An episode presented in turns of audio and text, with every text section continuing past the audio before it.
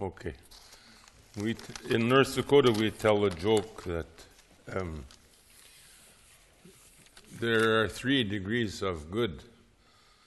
There is good, that's something that's very nice, and there is better, that's nicer still. And when something is very good, you don't say it's the best, you say it's swell. Huh? So we say, I would say, um, going to Norway is better, but being invited to Norway is swell. That's as good as it gets. when my family left, my families left Norway, um, they were husman and they were uh, crafters, and they left because there was no way that they could really make a living anymore. Um, many of them were in a position not to inherit, and so they had to go looking for land and opportunities. And here was a great wide state called North Dakota where all the mountains had been removed. so they thought this was heaven and settled there. It's absolutely the coldest part of North America, and it's sometimes the most difficult, and therefore it's perfect for Norwegians. It's just the only trouble now is that we've followed suit with Norway and we have oil. So it's the pastors in the northwestern part of the state where I come from say, you can never tell who has oil because no one wants to show off. That's one of the biggest offenses possible for a Norwegian American. So we don't paint our houses out there. We, that's too much. That's swell. That's for other people. That's Yankees that paint their houses. We just let them weather. But when you go in the house, then you find out what swell really is. it's hidden there. so the pastors say that when you can tell who in the congregation has gotten oil, because they will either, either come to church in a brand new pickup or they will take a long vacation. And when they come back, they won't say anything about where they've been. it's kind of perverse. So um, I am delighted. My family came from um, over in Oppland, and my mother's family came from Leksvik, just across from Trondheim. We we always called it Trondheim when and it's taken me a long time to say anything different. We, our families were Trondheimers, my mother's family, and they came from the old Haugians. Um, they were pietists and proud of it. And my father's family came from the old Prussians, the Norwegian Synod.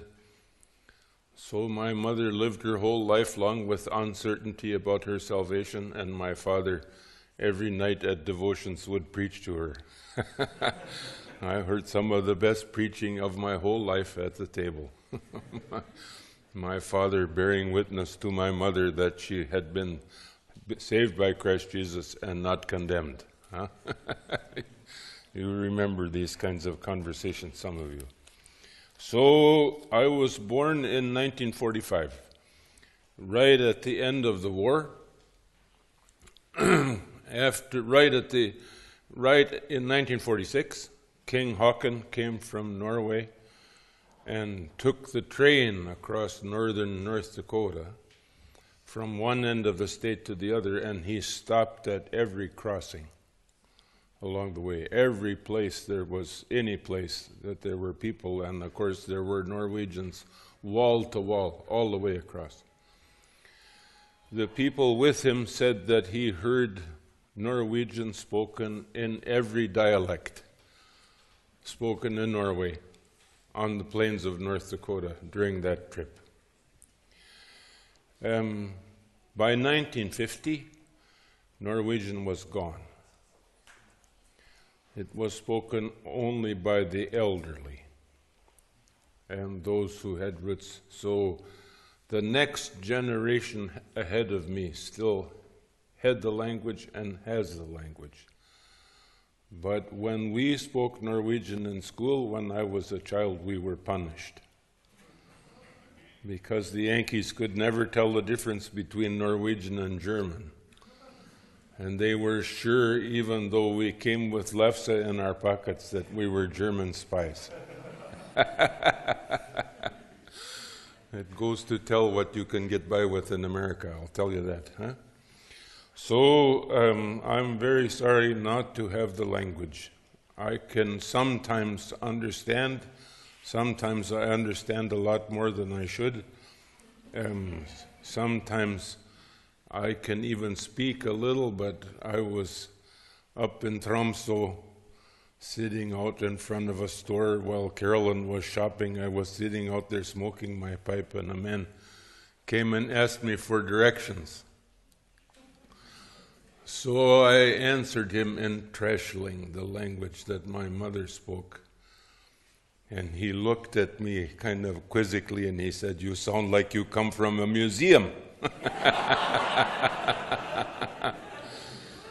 so I don't speak it anymore. I sometimes my mother is dead and my grandmother is dead, and I have one old auntie, 95, so deaf that she can't hear a thing.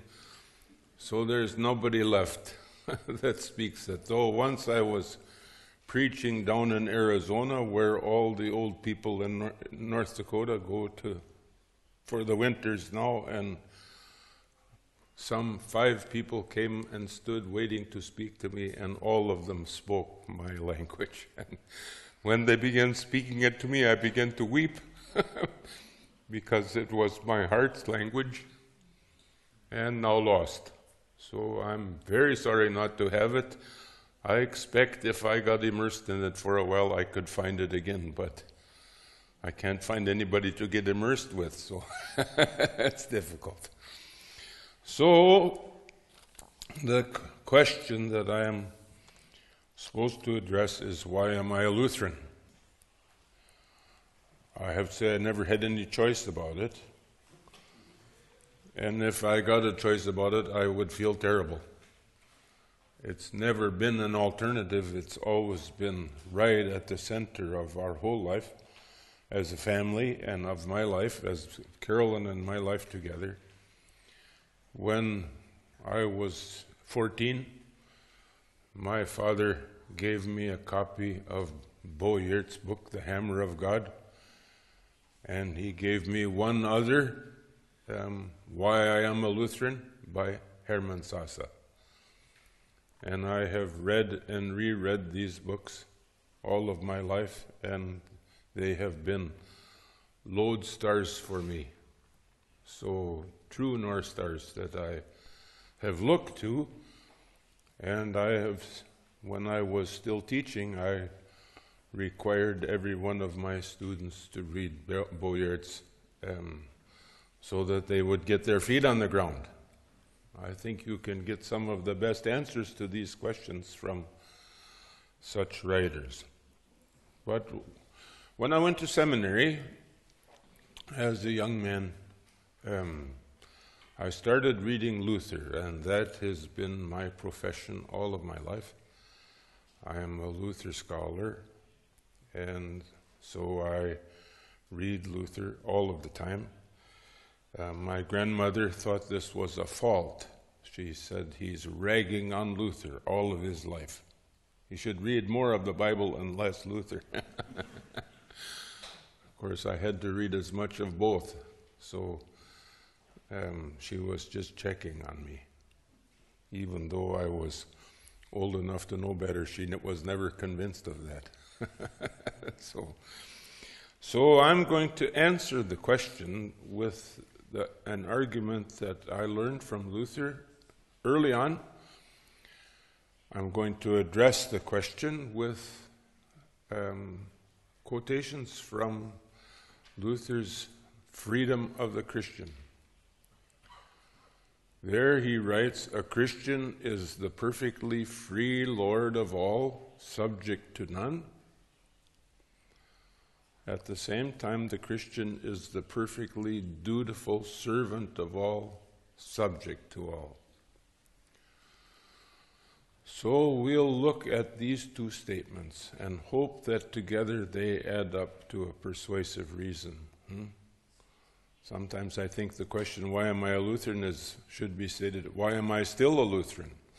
After all the trouble the Lutherans have been through. But again, um, these are not alternatives. The word freedom is a very interesting word. It is particularly important to Americans, of course, but it was even more important to Luther. His name in German was Luder, L U T T E R or L U D D E R.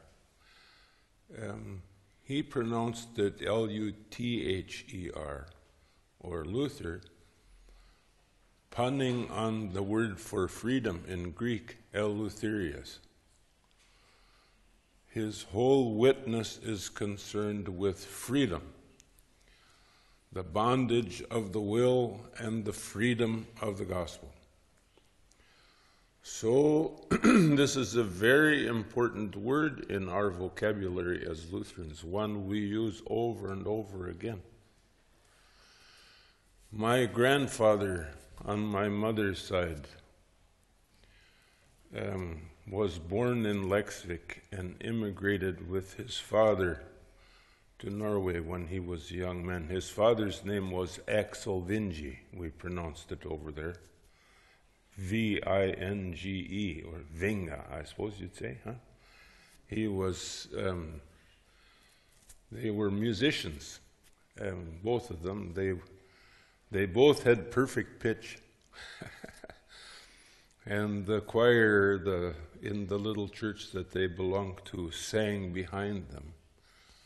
Um, they walked acro- all the way across North Dakota to find the most God-forsaken land in southern Saskatchewan, and there they homesteaded. And that little town became a Haugian town until quite recently. Now there's no, hardly anybody left, and not even the Haugians want to stay there anymore. So, so it's it's the church is just hanging on by on the edge.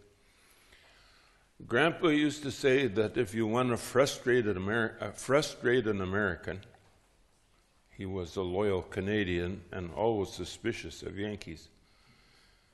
He said, if you want to frustrate an American, always ask him what he's free for. What is freedom for?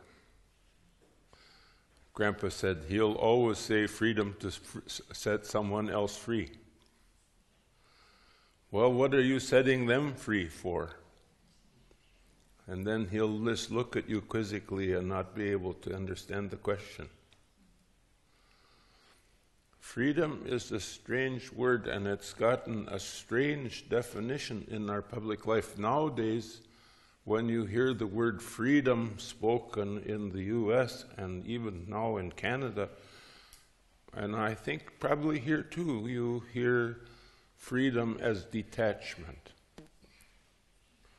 Freedom is being able to detach yourself from obligations and people who bring obligations and people who cause expectations. So, freedom, Janis Joplin's definition, freedom's just another word for nothing left to lose. Hmm? Freedom is being able to move away from. The real question is what can you move to? It's my grandpa's question. What how do you attach? The Lutheran understanding of freedom begins with attachment. Christ Jesus has attached himself to you. He has taken hold of you. He took hold of you in your baptism. He took hold of you at the table here with these words This is my body given for you. He has attached himself to you. And because he has attached himself to you through the preaching of the word and the administration of the sacraments, because he's taken you unto himself, hmm? do you remember the words of the small catechism? All this Jesus has done that I may be his own. Live under him and serve him. Huh?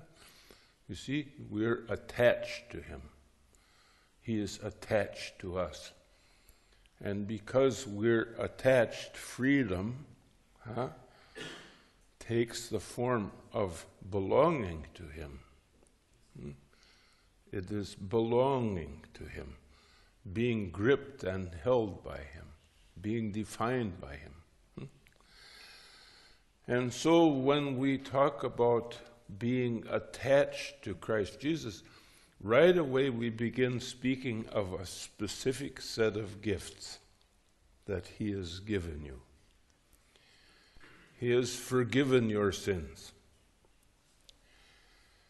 He has delivered you from other powers that try to define you. He has promised to raise you from the dead. He has freed you from the power of sin.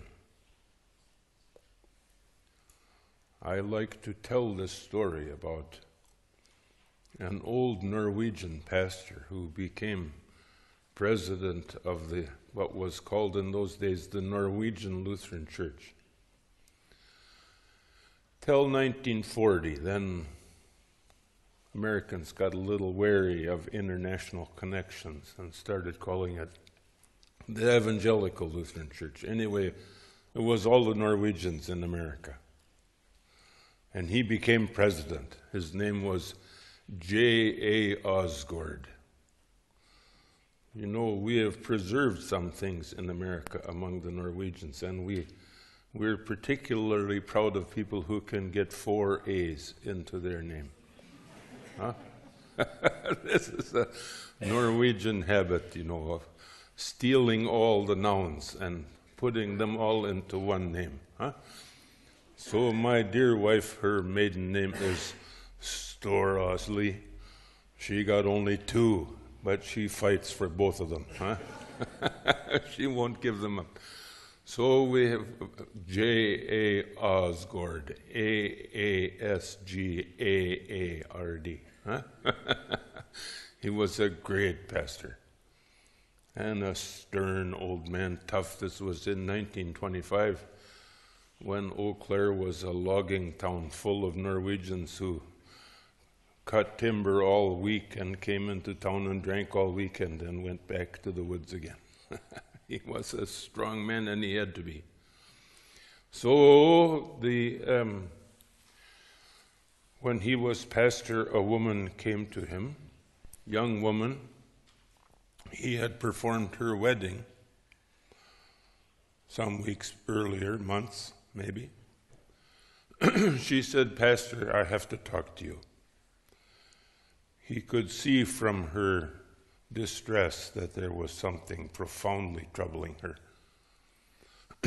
so he said, You know, in the hymnary, the Norwegian American hymnal, there's a service for somebody like you. It's the service of private confession. So she knelt beside his desk, and he knelt beside her. and this is what she said. She had been a nurse at the hospital. One of the doctors had taken interest in her and she had had sexual relations with him. She became pregnant. She went to the doctor about her pregnancy, and he arranged for her to have an abortion in the um, operating room at night. So the baby was aborted the pregnancy ended. The relationship ended, of course, that's generally what happens. and when the relationship ended, she was left alone. A young man in the congregation took an interest in her. He began pursuing her. When he called her, she said she thought she ought to tell him about herself, but she didn't feel like she could. And so the courtship went along, and it was getting more serious, and she thought she should tell him, but she couldn't. he proposed to her, and she thought she should tell him, but she couldn't. They were married. She thought she should tell him, but she couldn't. And now she said, Every time he f- touches me, all I can think about is how I've betrayed him. She said, I, I'm, I want to die. Dr. Aasgaard stood up, put his hand on her head, and he said, In the name of Jesus Christ, I forgive you all of your sin. And he made the sign of the cross on her forehead. She stood up.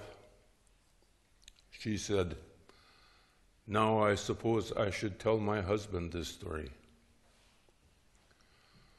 Pastor Aasgaard said, What story? What story? That's the forgiveness of sins. That's why it's so desperately important. That's why Christ died to forgive sinners.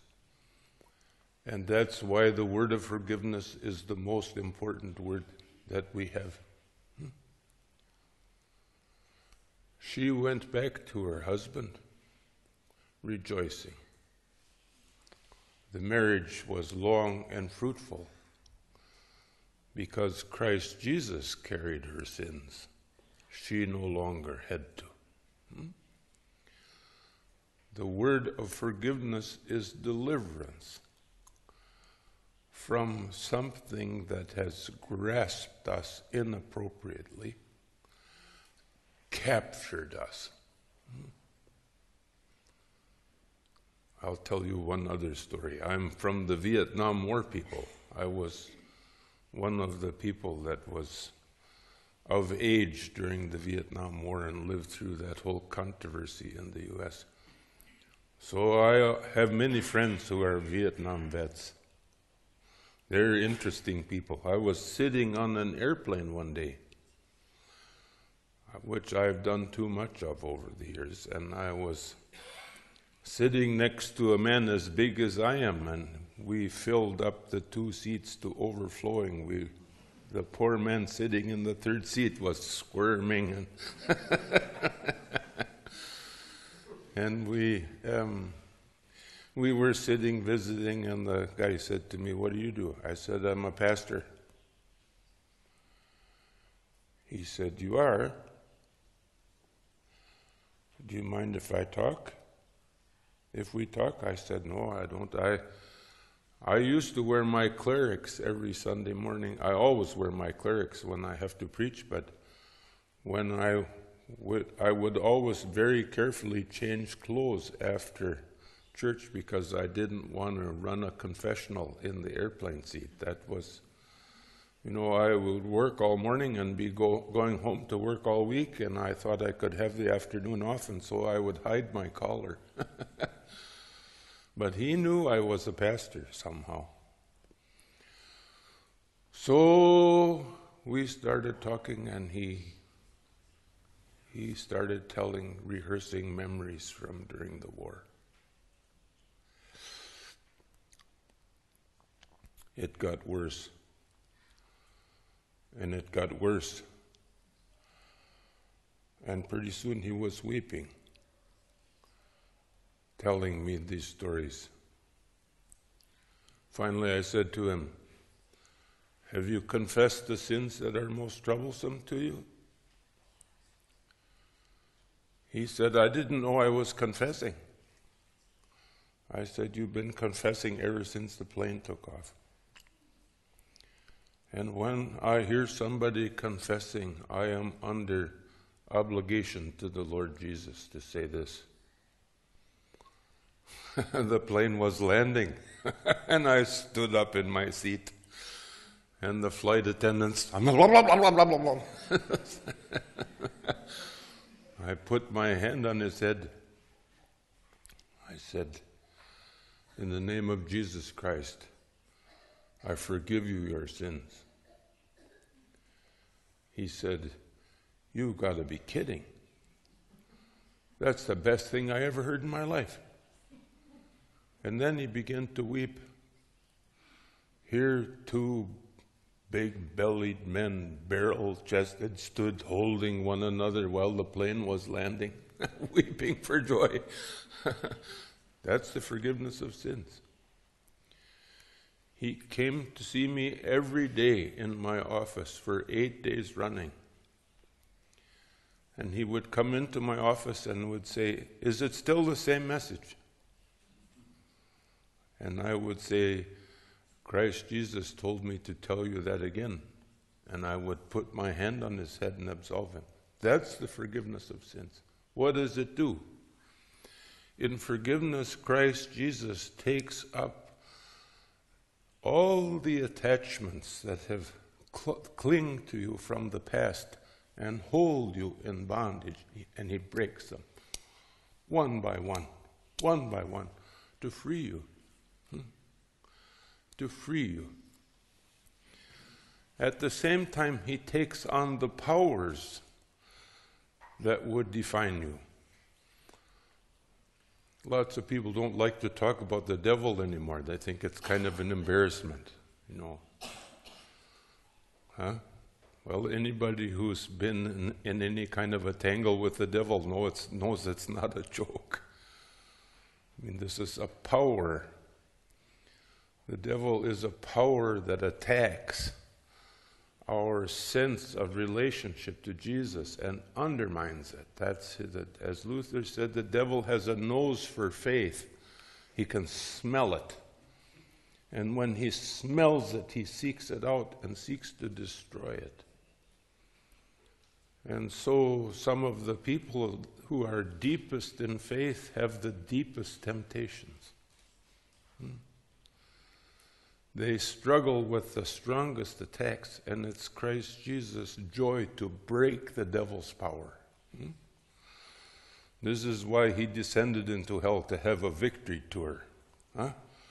After he defeated the devil on the cross, he went down there to twist his nose and poke fun at him. Thought you had me, didn't you?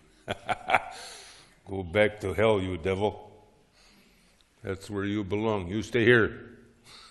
you see, that's he. This is Christ's glory that he defeats these powers that can define us. Well, some of you know the shape of these powers in depression, or in guilt, or in fear. I had a very close friend who was Latvian. There are wonderful Lutherans in Latvia. And many of them immigrated to the U.S. after the war, and he, his wife died. I used to call him and lived in Winnipeg, Manitoba. I would call him every once in a while. I would say, Well, Egil, how are things now? He said, I have lost my country and I have lost my wife. There is nothing left for me nothing left for me. You know, in depression, how we get caught. Well, Christ is risen. He has stood up. he has been raised for you. And because he has been raised for you, he breaks these powers, he breaks their grip. Hmm? Egil said, I'm like a dog now. He said, I keep going back to her grave day after day. He said, Jim, you have to call me and tell me because I can hardly believe it anymore. You have to believe it for me. Huh? Well, this is the power, you know. Finally, Christ Jesus has taken power over death. That's his great, greatest victory, you know. It's his greatest victory. You know, every once in a while, Norwegian musicians are able to sneak some things into English. Egil Hovland has given us this wonderful music. Stay with us, for it is evening. Huh? For many of us, it is evening. We know death is coming. We know it's not far away. Our gray heads give us away. Huh? It's coming. There's no way out. But Christ Jesus has gone into the grave for us to upstand, huh? to raise us so that death can have no dominion. Huh? Death can have no dominion any longer. Huh? Christ rules us. He has taken, He has attached Himself to us. And so our freedom is this we are free from the powers of destruction. Just so, we are also free to attach ourselves to others. We don't have to work on ourselves any longer. Hmm? We are not in bondage anymore. We are free, and so we can attach ourselves where Christ calls us. With justification, there's another word that's equally important among Lutherans, and that's vocation. We are called.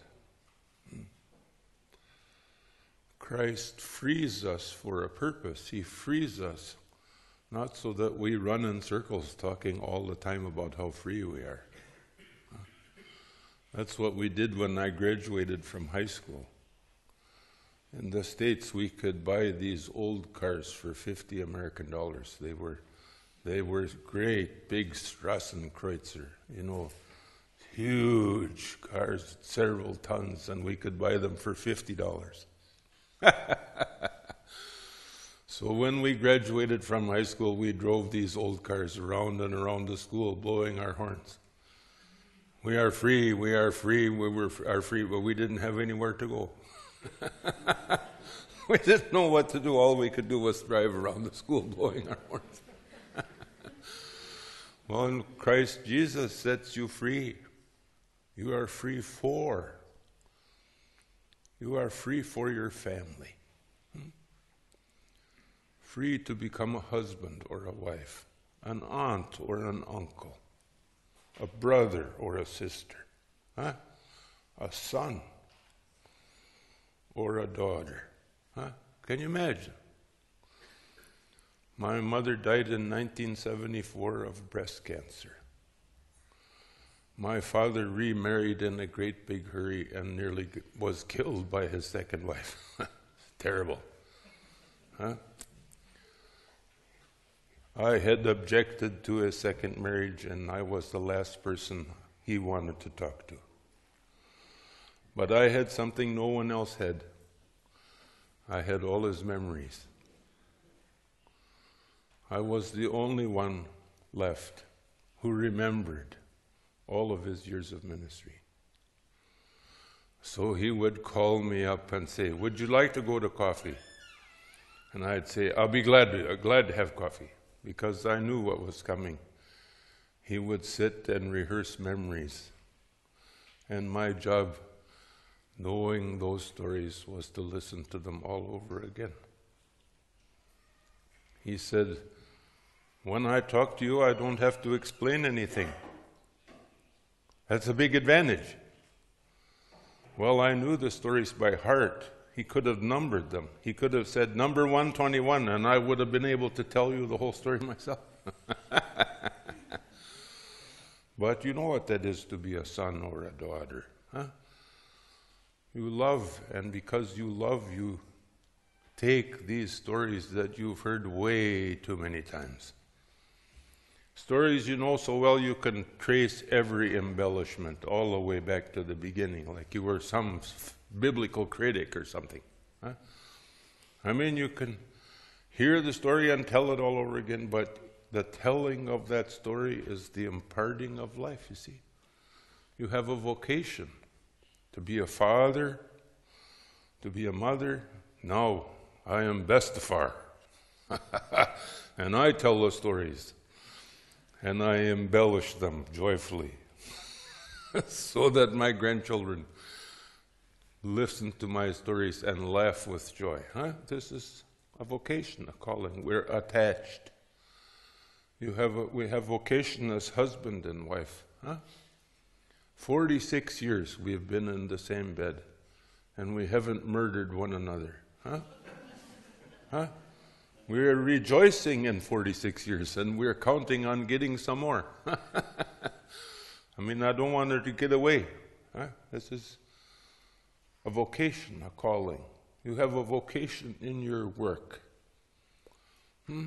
You do something so very well with your hands and with your head hmm? that your neighbor depends on you for those things. Huh? And so you have a calling from God to attach yourself through your hands to your neighbor, to your neighbors.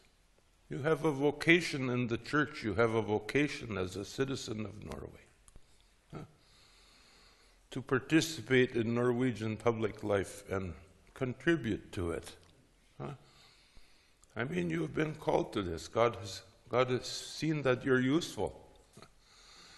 He's making you useful. So He's detached you from the powers that would destroy you. He's attached Himself to you so that you can attach yourself to your neighbors and be salty and be full of light huh? and be yeasty, huh? full of leaven. Huh? Huh? What's better than that? Huh? So when my grandkids come to the house, when Carolyn went to law school, she taught me to bake. I said, I'm not going to eat store bought bread for anything. You're going to have to make arrangements. So she taught me to bake. I was the solution to my problem. I had better ideas than that, but now I love to bake.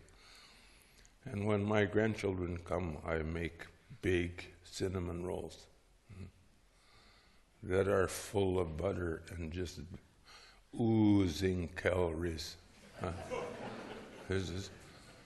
I put way too much sugar in them and I put maple syrup on the bottom of them. And when the kids eat them, they get feisty and wild. And they their parents say, Don't give them so much sugar. I said, My, my grandkids, I'm going to give them all the sugar.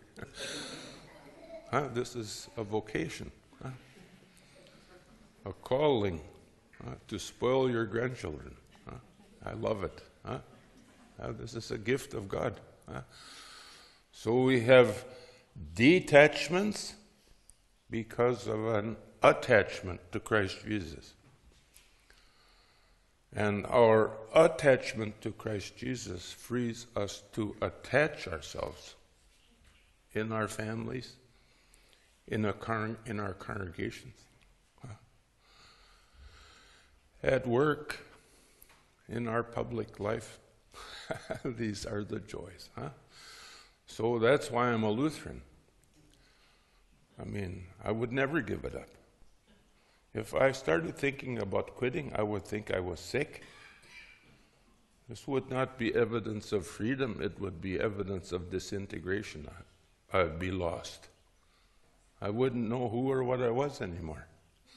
I'd be adrift, driving around the school, blowing my horn with no place to go. okay. Well, that's enough, do you think? Did, it, did you understand what I was saying by any chance?